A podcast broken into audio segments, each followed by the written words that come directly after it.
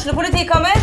Ine Jansen er purk. Er du purk? The motherfucking bitch. Alt jeg vil, er å finne ut hva som skjedde med mannen min. Jon Carew. Er jeg sikta for noe? Iben Akeli. Det er du. Ole So, Lars Berrum og Big Daddy Karsten. Hvem sin side er du på, egentlig? Anette Hoff, Tone Danielsen, Kommer du fra Afrika? Jørnis Josef, Nesten. Kløfta. Trond Espen Seim, Det er synd å si det, men det var feil mann som døde. Purk. Premiere tirsdag på TV2 Play.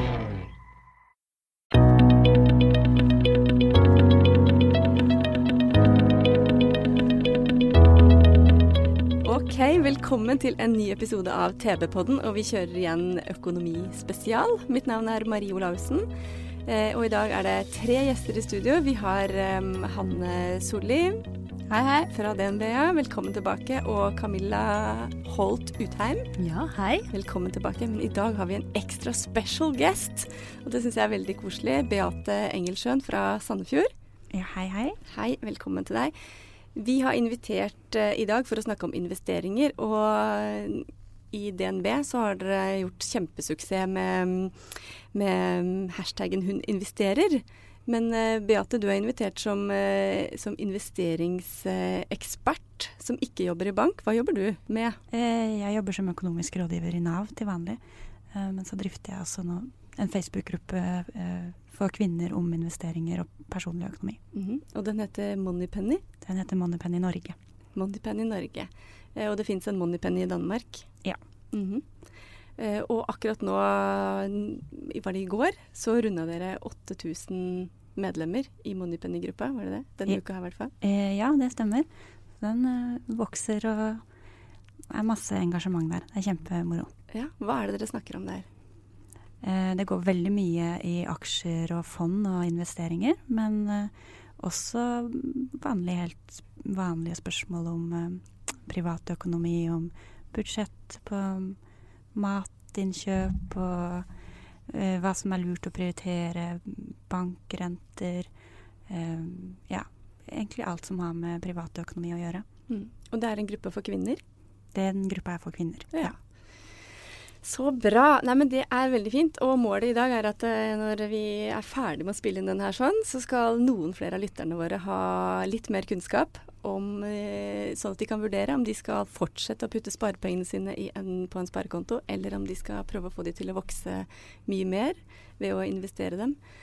Um, Hanne, Ja. DNB har kjørt en kjempekampanje som har fått store oppslag i alle norske medier, og som har tatt virkelig av i sosiale medier, som heter 'Hun investerer'. Bakgrunnen for den er det at eh, det er veldig skeivt fordelt hvordan menn og kvinner både tjener og sparer, og, men også får ut eh, resultater fra investert kapital. Kan ikke du fortelle veldig kort om den? Jo, eh, vi har jo nå sett eh, at det er et kapitalgap, har vi kalt det. Og det er eh, en stor økonomisk skjevhet, og kvinner kommer stort sett alltid dårligst ut. Menn tjener mer, de investerer mer, de eier mer.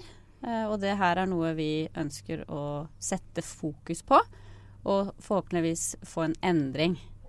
Eh, Derfor har vi en storstilt kampanje med eh, kapitalgapet og også da hashtag hun som er, eh, og huninvesterer.no.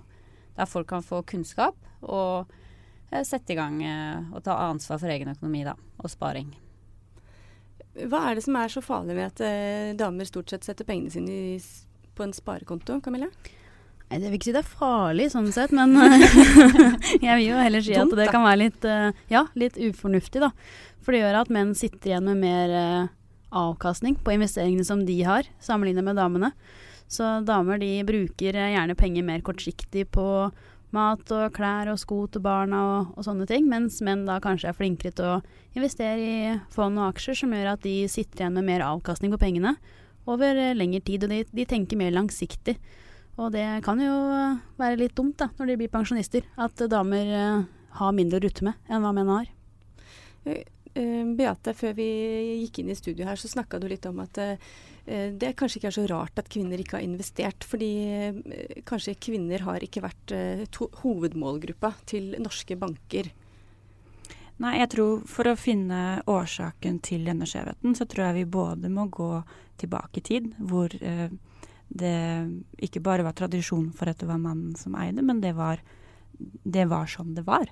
Um, og så uh, tror jeg den tradisjonen har blitt tatt med inn i, inn i, bankene, og hvem de henvender seg til når de snakker om aksjer og børs. Og ikke minst uh, hvordan de formidler informasjon om, om investeringer. Uh, jeg tror også mediene må ta sin del av skylden, og hvordan de skriver om om børs og investeringer.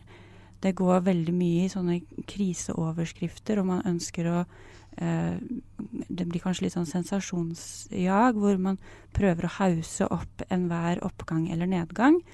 Eh, og som gir eh, inntrykk av at det å investere på børsen er veldig mye mer risikofylt enn det det egentlig er. Eh, og det tror jeg kvinner Det skyr de litt. Eh, eh, som, som disse to fra DNB sa, så har kvinner mindre penger å investere. Og det gjør at de relativt sett må ta høyere risiko med, pengene, med de samme pengene enn det menn gjør når de investerer. Uh, og det er det mange kvinner som ikke føler at de har råd til. Og så er det stort sett, uh, har stort sett bankene løftet fram menn som uh, investeringsforbilder. Og har latt mørke menn i dress, eller menn i mørke dresser, ta seg av aksje- og børsdelen når de, når de, snakker til kundene sine. Eh, det tror jeg det er en endring på nå, heldigvis. Og jeg ser at eh, ikke bare DNB har fokus på det, men også de andre bankene. Um, og det, det, tror jeg både er fordi at bankene ønsker å ta et økt samfunnsansvar, de ser at dette er en skjevhet som vi ikke kan akseptere i samfunnet. Eh, men selvfølgelig også at det er eh, store penger å hente i å se kvinner som en kundegruppe, også når det kommer til investeringer. Mm. Hanne, dere har sett en uh, forskjell faktisk i kundegruppene deres nå. Fordi at da hashtag 'hun investerer' kom, så kom det jo masse informasjon. Og det kom den fantastisk annerledes musikkvideoreklamen med, med Beyoncé? Beyoncé, faktisk. Skal vi si Rihanna? Det, jeg hørte i hjernen min at det her er feil, ikke si det, ikke si det. Beyoncé-låten. Eh, som har skapt masse oppmerksomhet. Men hvordan har reaksjonene vært i bank? Hvordan har dere, hvordan har dere opplevd eh, hverdagen deres liksom, som kunderådgivere etter eh, at dere slapp den kampanjen? Jeg tror at det her har truffet, ja tror det har truffet skikkelig bra på kvinner. At de har måte, det har satt et fokus på Og folk, eller kvinner har begynt å tenke på hva de sparer, og hvordan de tar ansvar for egen økonomi og egen framtid, ikke minst. Så vi merker det i våre kundemøter, da, at, det, at det, det, er ofte jentene som da tar initiativ til å prate om sparing. Og det er en, eh, det er en fin ting, for det er jo ofte vi som på en måte vi, rekker ikke å nevne det før de har på en måte Du, jeg vil gjerne snakke med deg om fondssparing. Og, og, det gjør vi selvfølgelig. Vi, tar og, vi vil gjerne prate med jenter om det.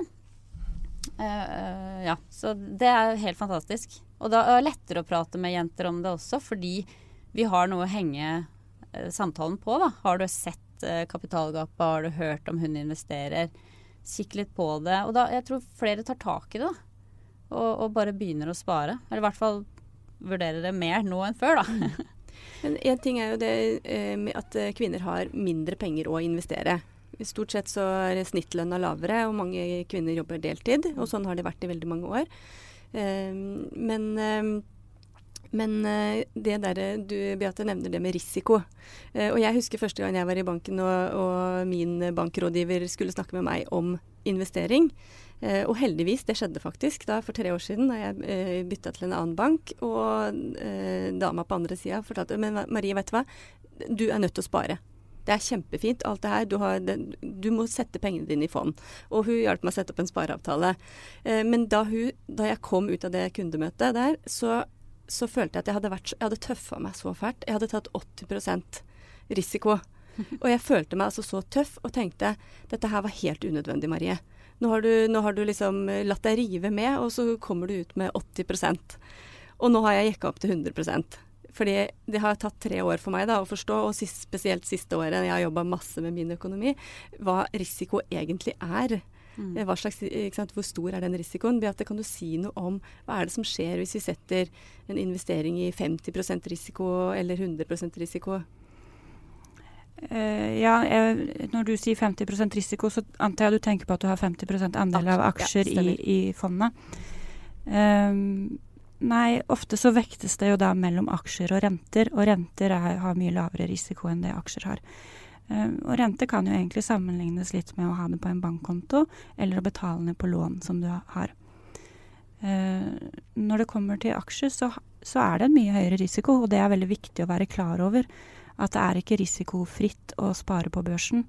Men eh, det som er viktig å forstå, eh, er at den risikoen kan man håndtere.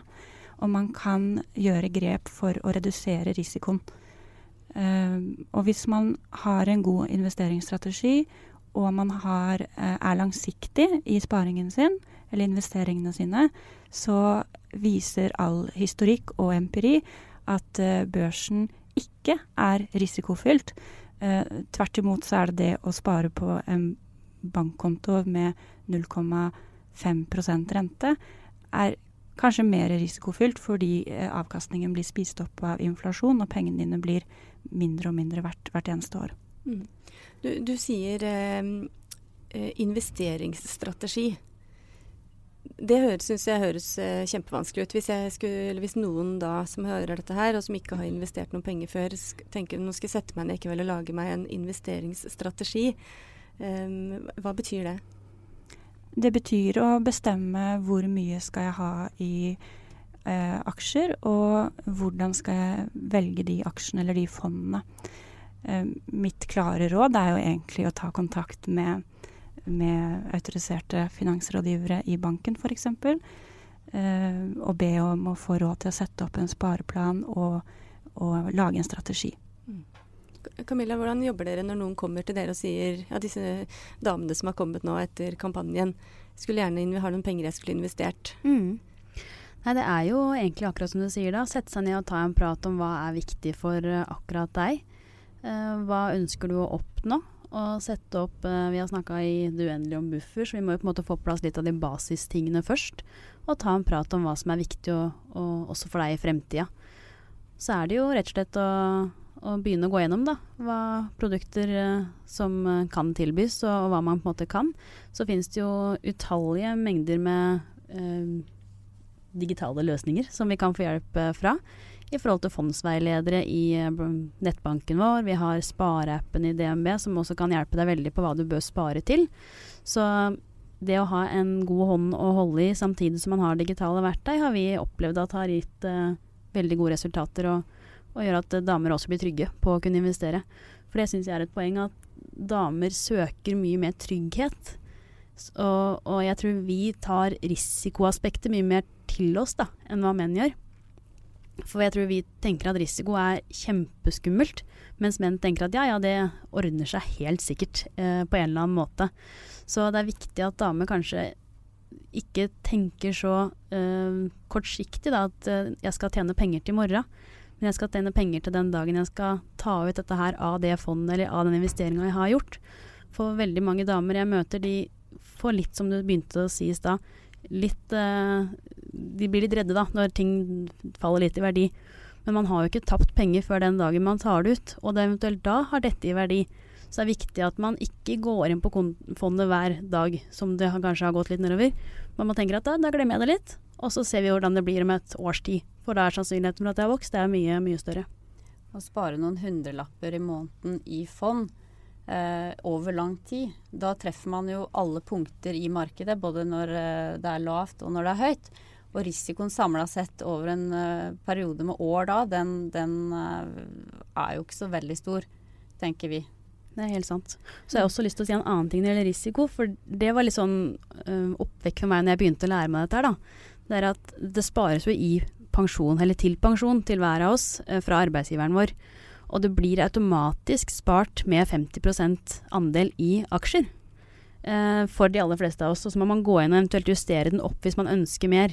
Men det har man på en måte, man får ikke noe spørsmål engang om man i hvert fall skal ha 50% Så tenker jeg at det ser jo i hvert fall arbeidsgiverne som såpass safe at det skal alle få lov til.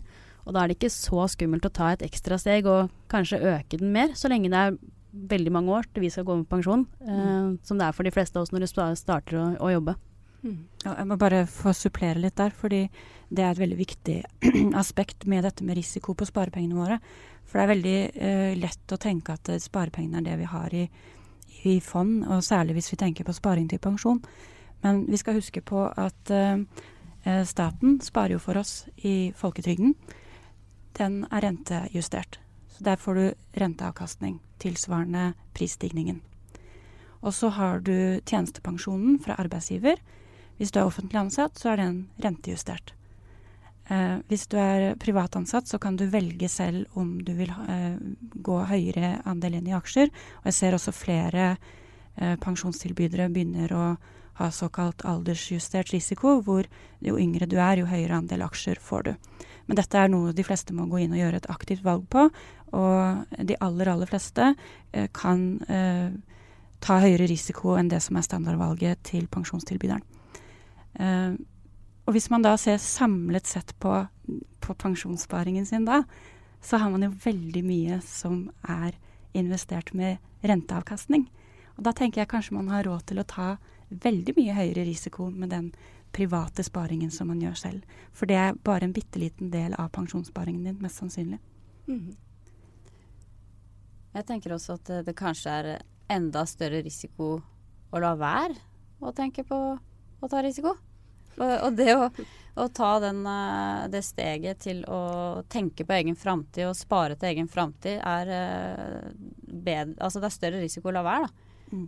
Uh, vi ser jo at veldig mange kvinner ikke kjøper seg inn i boliger til samboeren sin. Det er en stor risiko. Og mange tar jo lange perioder med ulønna permisjon uten å spare til pensjon. Det er jo også en risiko. Uh, så det Ja. Det er jo et poeng at uh, det, det, alt ordner seg så lenge man holder sammen. Men det er jo en realitet i dag at uh, veldig mange de holder ikke sammen med den de er sammen med fra de er unge, uh, til man går av med pensjon. Og da blir skjevheten enda større, da, når man har, ligger på en måte 15 år bakpå og skal begynne å stå opp for seg sjøl, enn hvis man hadde vært og, og hatt et fornuftig økonomisk forhold til sin økonomi hele veien. Mm. Jeg kjenner meg veldig igjen i det med å tørre å ta risiko, på en måte. For når jeg starta i banken i 2011, så sparte jeg på konto. Jeg var veldig glad i å spare. Sparte bare på konto. Mm. Og første rådgiveren jeg møtte der, eh, en da kollega, han sa du, du må jo selvfølgelig spare i fond. Nei, nei. Det, det, altså, den risikoen tar ikke jeg. Jeg vil jo ikke risikere at pengene mine taper seg i verdi. Eh, så vi satte opp, Men han, han, ga seg ikke, og vi satte opp sparing både i indeksfond og aktive fond og eh, litt eh, høyrisikofond. Og det er jeg sjeleglad for i dag, for jeg har fortsatt med den sparinga i alle de åra. Og det har vært veldig lønnsomt. Men du gjør ikke sånn som Camilla og liksom sjekke de fondene en gang iblant. Du sjekker hver dag og ja. flere ganger om dagen.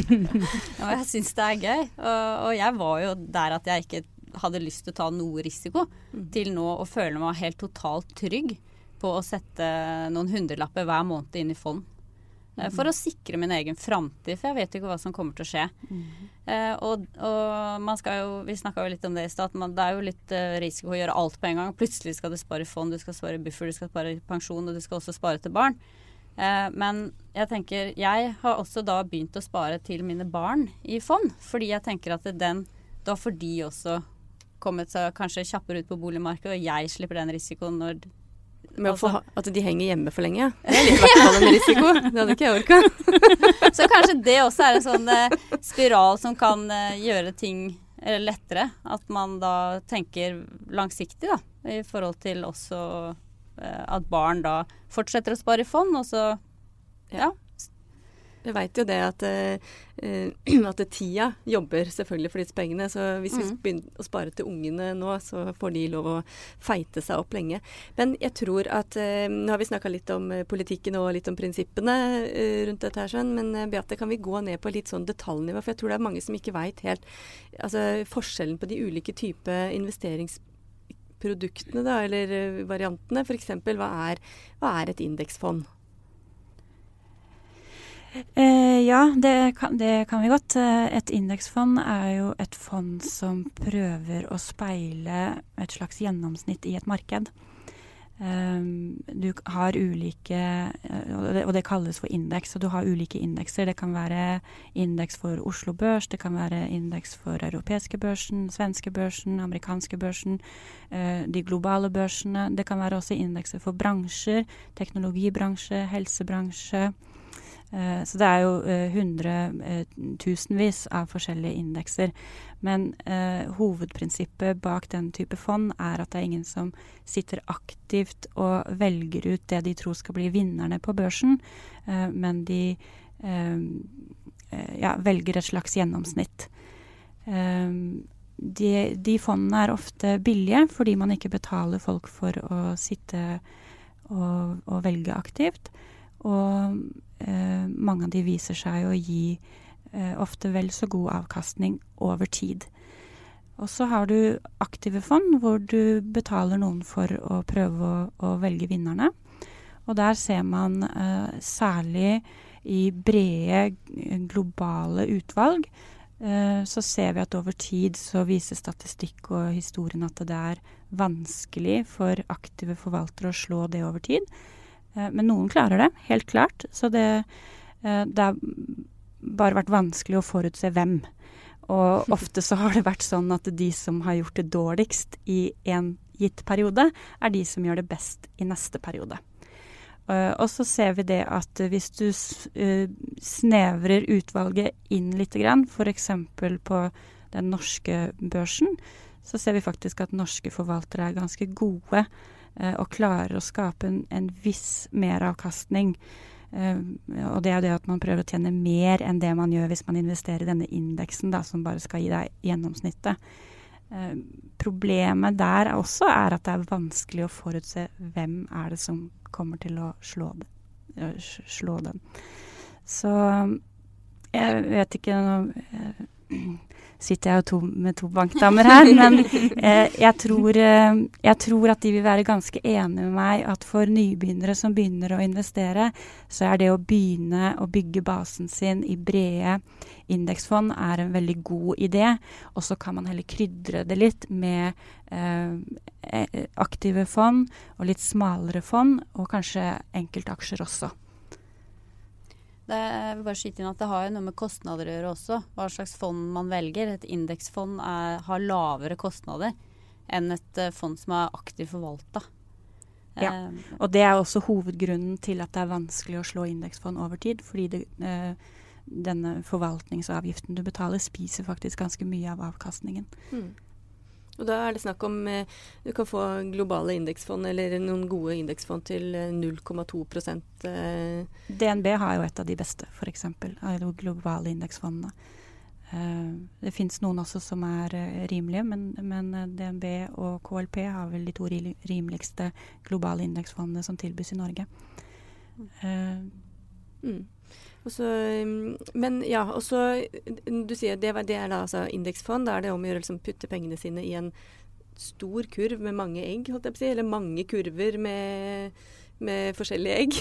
da ble det helt bondegård her. Men at du liksom ikke legger alle eggene i samme kurven. Men eh, det er noe annet å skulle kjøpe enkeltaksjer som skal kjøpe seg inn i en Pepsi Max eller Pepsi f.eks. eller i McDonald's eller Det er ikke et fond har jeg forstått det riktig der? Da kjøper man enkeltaksjer. Hva er, Hanne, hva tenker du om eh, liksom, Det er en annen type risiko. Ja, det er klart det. Da satser man jo på ett selskap eh, og kjøper aksjer i akkurat det selskapet. Og er jo avhengig av hvordan det selskapet går i forhold til hva, hvordan aksjekursen er. Eh, og da din fortjeneste på de aksjene du har kjøpt. Det er, det er større, altså hvis man aldri har spart i fond eller aksjer og har lyst til å begynne med det, så tenker jeg at man bare gjør det enkelt. Eh, spar i et eh, indeksfond, og det kan man heller krydre på etter hvert. Eh, dine penger eh, I en podkast jeg hørte der, sa at hvis du liksom bare skal spare i ett fond, og ikke ha, har noe særlig kunnskap om det, så kan du velge globalt indeksfond. Det var deres anbefaling. Mm. Uh, Sjøl så har jeg prøvd litt uh, forskjellig. Også spart i enkeltaksjer. Noe har gått veldig bra, noe har gått veldig dårlig. Så det er jo, Men det er ikke store summer det er snakk om. Da men betyr det at du må, på en følge, du må følge med på en annen måte da, når du har kjøpt en enkeltaksje? Ja, det må du.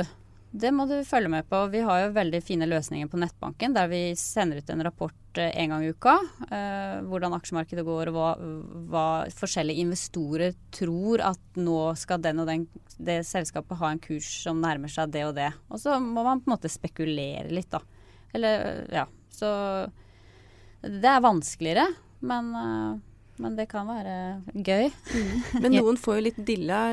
Camilla, ja. du leste opp en melding her i stad. Ja. en helt anonym melding fra noen som har da lagt inn en melding i, i Hun investerer-gruppa. På, på Facebook. Kan mm. ikke du bare ha, ha, Finner du den, holdt jeg på å si? Eller kan, kan du gjenfortelle den? Jeg syns det var litt sånn Det var litt festlig, det. Skal vi se, da. Jeg finner nok uh, straks igjen.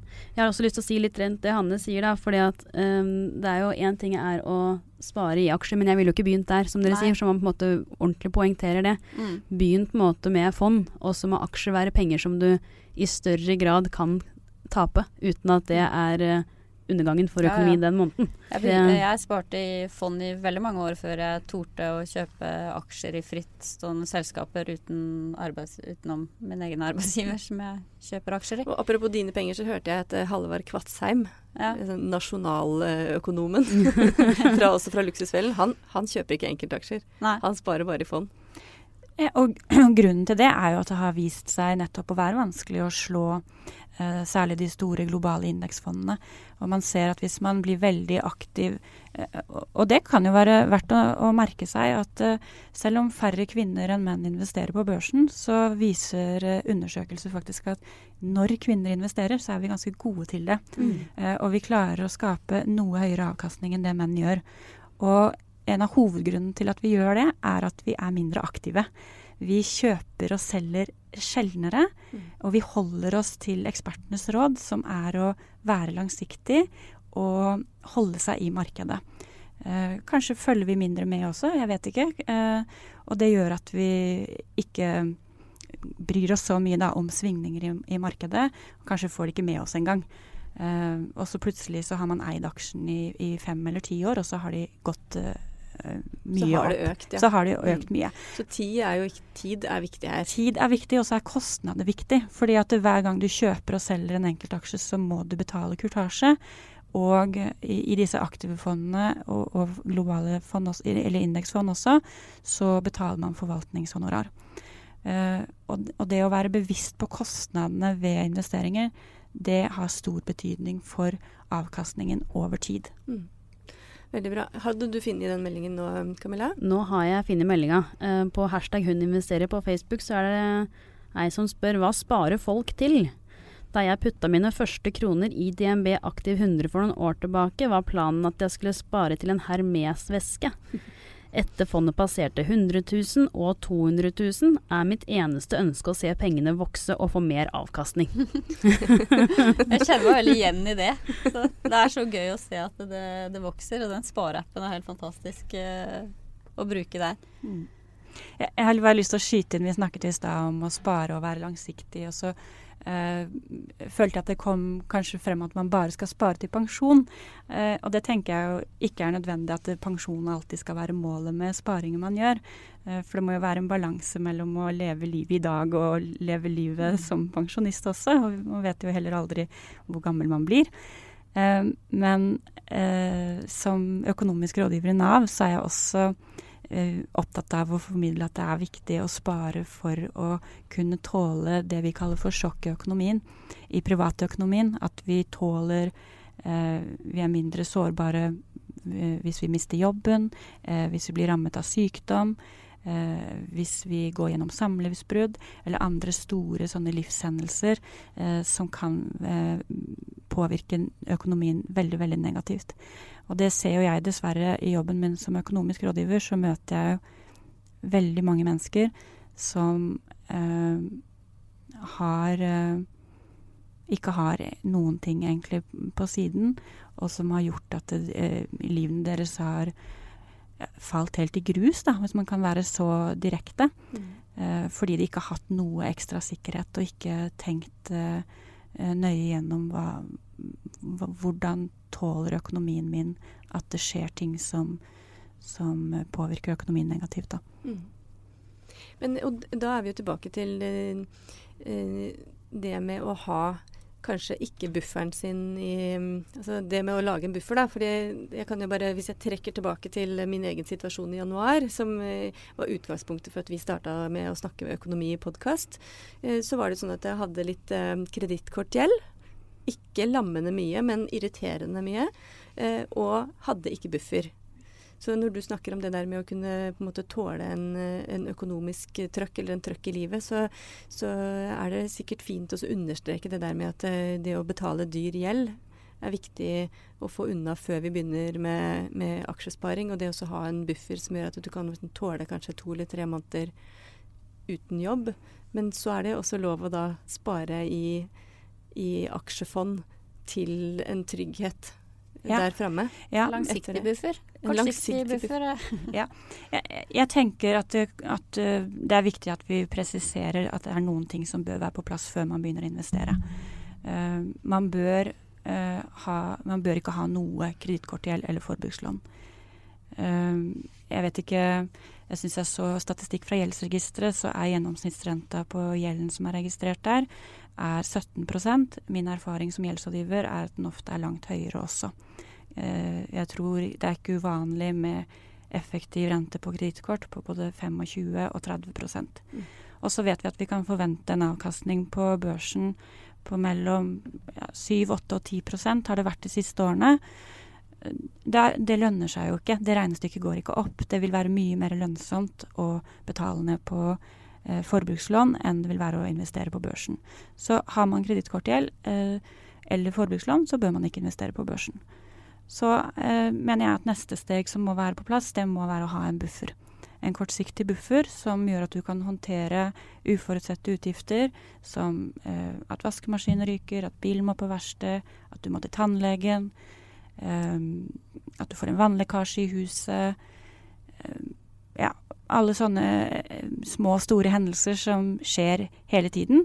Jeg liker egentlig ikke å kalle det for uforutsette hendelser, fordi at veldig mange av disse Kan vi forutse? Ja, hvor, hvor, uforutsett er det at den 20 år gamle vaskemaskinen din ryker? Mm, kanskje ikke sånn kjempeuforutsett. Uh, så det, det, er det andre punktet som jeg mener at må være på plass før man begynner å uh, investere. Og dersom man uh, ikke eier bolig, så mener jeg også at det er et fornuftig valg å prioritere sparingen på BSU-konto. Uh, og hvis man er så heldig at man eier bolig, så uh, mener jeg at uh, lånet må være på et fornuftig nivå.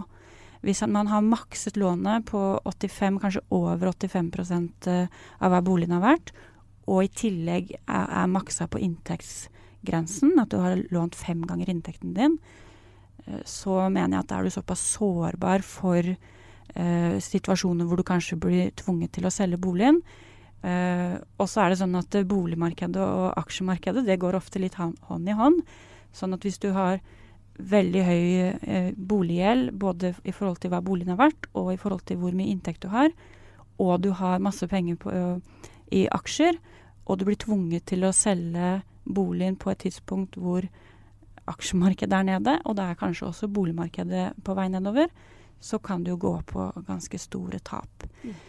Så ja, jeg vet ikke om disse bankdamene vil supplere noe der, men det er i hvert fall mine tanker om hva som bør være på plass før man begynner å investere. Ja, helt enig. Ja, jo, Veldig, Veldig godt oppsummert. Mm. Burde jobba i banken, du. jeg har også ja. lyst til å bare ta en sånn liten kommentar, for du, du, sa litt om det at man også må huske å unne seg noe. Og det syns jeg også er et poeng å, å skulle si, da, for jeg syns ofte vi får høre at vi økonomer er så kjedelige. Mm. Det er så kjedelig på en måte å skulle høre på deres råd. Men, men, jeg mener absolutt at man skal unne seg å bruke penger i hverdagen også. Men det er litt det å kanskje tenke på når man unner seg noe, istedenfor at det skal bli vanen at man skal unne seg noe hver dag. Så kan man tenke at ok, har jeg, dette har jeg penger til, i dag skal jeg bruke penger på noe som jeg har lyst til. Uh, Istedenfor at det blir at man kjøper den latten hver dag. Da tror ikke jeg det blir så kos lenger.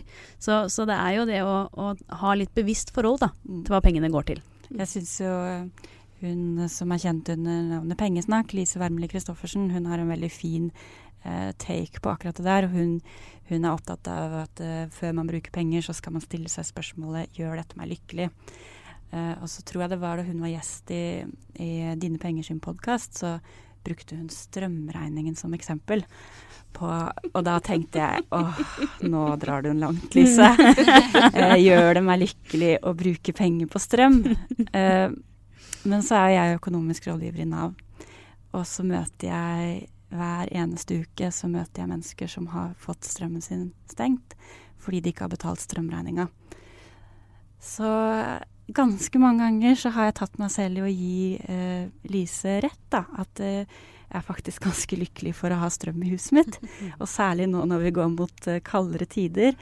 Eh, så selv en så kjedelig ting som strøm kan man faktisk klare å snu hvis man jobber litt med tankesettet sitt, eh, til at eh, jo, det er noe som gjør meg lykkelig. Eh, jeg prioriterer å bruke penger på strøm, mm. faktisk. Det er lurt. Veldig bra. Så strømregninga først, da. Kredittkortene bort og en buffer før vi investerer. Men jeg syns det er morsomt å snakke om eh, altså Da var det jo hashtaggen 'hun investerer' som har fått eh, jenter opp av sofaen og ut i investeringslandskapet. Og noen har brukt eh, banken sin. Noen har brukt eh, kanskje Nornett eller Kron. Det er jo andre uavhengige investeringsplattformer også det går an å bruke. Men eh, Beate, du har også laga en hashtag eh, som har fått litt eh, fart i sosiale medier. Og det er knytta opp mot Moneypenny og din Instagram-konto som heter Rikere liv. Den jeg må bare si, vel verdt å følge Beate på Instagram på Rikere liv. Der er det så mye god hverdagsøkonomisk rådgivning. Det syns jeg er veldig bra. Men kan du fortelle litt om hashtaggen som du har lansert? Ja. Uh, det kan jeg. Det, jeg. jeg. må jo innrømme at jeg har jo blitt inspirert av ja, det er sikkert amerikanske Instagram-kontoer som har en lignende hashtag som heter I look like an investor. Uh, så det er der jeg har hentet inspirasjon fra. Uh, det jeg er opptatt av med hashtaggen investoren meg, er å møte eller bryte Hva heter det? Ja, møte noen eh, forestillinger da, som jeg tror veldig mange har om hvordan en investor ser ut. Og at uh, i likhet hva jeg tenkte tidligere, så tror jeg mange tenker at en investor det er en mann i dress som har studert finans på BI, uh, og som har veldig mye penger. Man må ha mye penger for å kunne investere. Uh, og så har man kanskje sett noen sånne Wall Street-filmer The Wolf of Wall Street, og man har hørt historier, og man, leser jo Avisene elsker jo å skrive om uh, investorer som har tapt mye penger, eller vunnet veldig mye penger ved å ta veldig høy risiko. Um, og det jeg har ønsket å vise ved å bruke hashtaggen 'investoren meg', er at uh, man kan fint være investor uh, uten å på en måte oppfylle alle disse kravene. Og man er også investor når man investerer i fond, og i aksjer gjennom fond. Uh, man er en kjempegod investor da. Det er andre som tar den aktive eierrollen. Da er det fondseieren som uh, møter på generalforsamling og kan være med å påvirke selskapene direkte, hvordan de uh, styres og stelles. Men det er jo dine penger de bruker for å få makt bak eh, pengene sine. Så eh, jeg vet eh, både DNB og andre banker har jo begynt å ta også et mer aktivt eierskap gjennom fondene sine. Gjennom disse bærekraftkriteriene f.eks., hvor de prøver å påvirke bedrifter til å ta mer miljøvennlige og bærekraftige valg.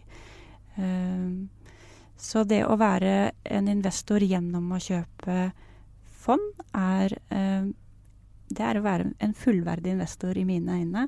Og det er ikke så farlig, og eh, det er like viktig. Det er jo kanskje enda viktigere, for sammen så har vi småsparerne masse, masse penger som vi kan putte inn i næringslivet og inn i økosystemet og skape et godt eh, grunnlag for utvikling. Det syns jeg var en veldig bra oppsummering, var det ikke det? Veldig bra. Det var som om du hadde liksom planlagt uh... Er det noe Talen er øvd på i kveld, eller i går kveld. Så bra. Er det noe vi helt åpenbart har glemt å snakke om da, som folk uh, sitter og hører på, og så tenker de da må de bare sende inn spørsmål, forresten. Mm. kan sende det inn til tips.krøllalfa.tb.no, så skal vi klare å finne svar på det. Eller ta kontakt med banken sin. Mm. Mm. Ikke gjør det så komplisert, bare sett i gang. Ikke gjør det komplisert, bare sett i gang. Og følg Beate på Instagram på Rikere liv, og, og utforsk det du har bank, hos banken din. Eh, spør om å bli medlem i Moneypenny Norge. Eh, følg DNB eller alle andre banker på Facebook og Instagram, og les dere opp. Det er masse informasjon der ute. Jeg, ja, det, jeg, jeg, må ja. bare få skyte inn noe ja, her. Og, og, og, snakk med andre om økonomi. Mm. Mm. Og det er, så, det er, så, viktig at vi gjør det. Uh, jeg pleier å tulle litt, for jeg er jo litt sånn nerdete når det kommer til penger. Og jeg vet at ikke, jeg ser noen ganger når jeg begynner å snakke om budsjett og aksjer, og, og ikke, for ikke snakke om pensjon, eh, da går rullegardina ned hos veldig mange. Uh, men så har jeg liksom, nå har jeg gått liksom litt mer aktivt ut og snakket om dette da, det siste året kanskje særlig. Og så får jeg sånne små drypp fra venninner og bekjente som, mm. som, for ett år siden så bare Ja, nei, men det der er ikke noe for meg, så det, det er hyggelig at jeg blir invitert inn i den Facebook-gruppa og sånn, altså, men uh, jeg er ikke så interessert i sånn, jeg. Uh, men nå begynner de å komme, og det mm. er en sånn modningsprosess, det der med å uh, tørre å både å se på egen økonomi, for det kan jo være sjokkartet opplevelse, det også. um, men det å tørre å ta litt mer risiko med pengene, og det at vi er flere som snakker om det, og er med på å ufarliggjøre det litt, og det er også med på å skape interesse. Mm. Mm. Kjempeviktig. Så snakk om det om du får det til, og snakk om det om du ikke får det til. Og still mm. spørsmål. Ja, mm, ikke, ikke sant? Minst. Så det er ikke flaut å ikke få det til. Da kan dere lage deres egen podkast og bare snakke om det for hele verden. og så ordner det seg. Jeg lover. Det er to måneder igjen til januar. og Vi skal se. at Det har ordna seg. For meg, i hvert fall. ok. Tusen takk for at dere hadde tid til å komme. Og ha en veldig fin dag videre. Likeså. Takk for det.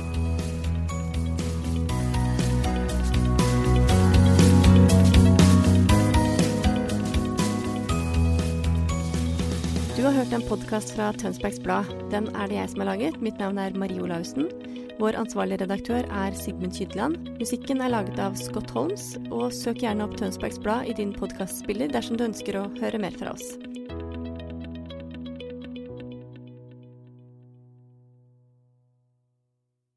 Har du et enkeltpersonforetak eller en liten bedrift? Da er du sikkert lei av å høre meg snakke om hvor enkelt det er med kvitteringer og bilag i fiken, så vi eh, gir oss her, vi. Fordi vi liker enkelt. Fiken superenkelt regnskap.